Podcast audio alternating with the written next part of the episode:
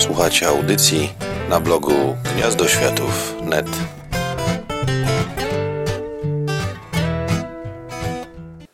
Ja się tak podświadomie bardzo broniłem, chyba, żeby nie musieć nagrywać zakończenia podcastowej trylogii o filmowej trylogii, jaką jest Hobbit.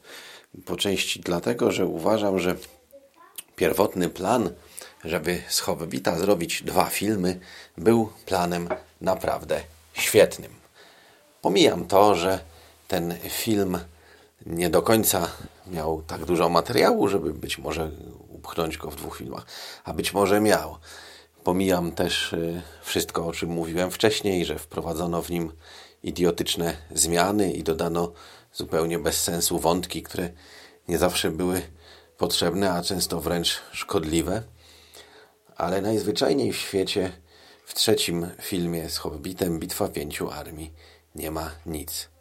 Nie chcę przez to powiedzieć, że nic się nie dzieje, bo dzieje się tam mnóstwo rzeczy. Tylko wszystkie one nie mają absolutnie żadnego znaczenia.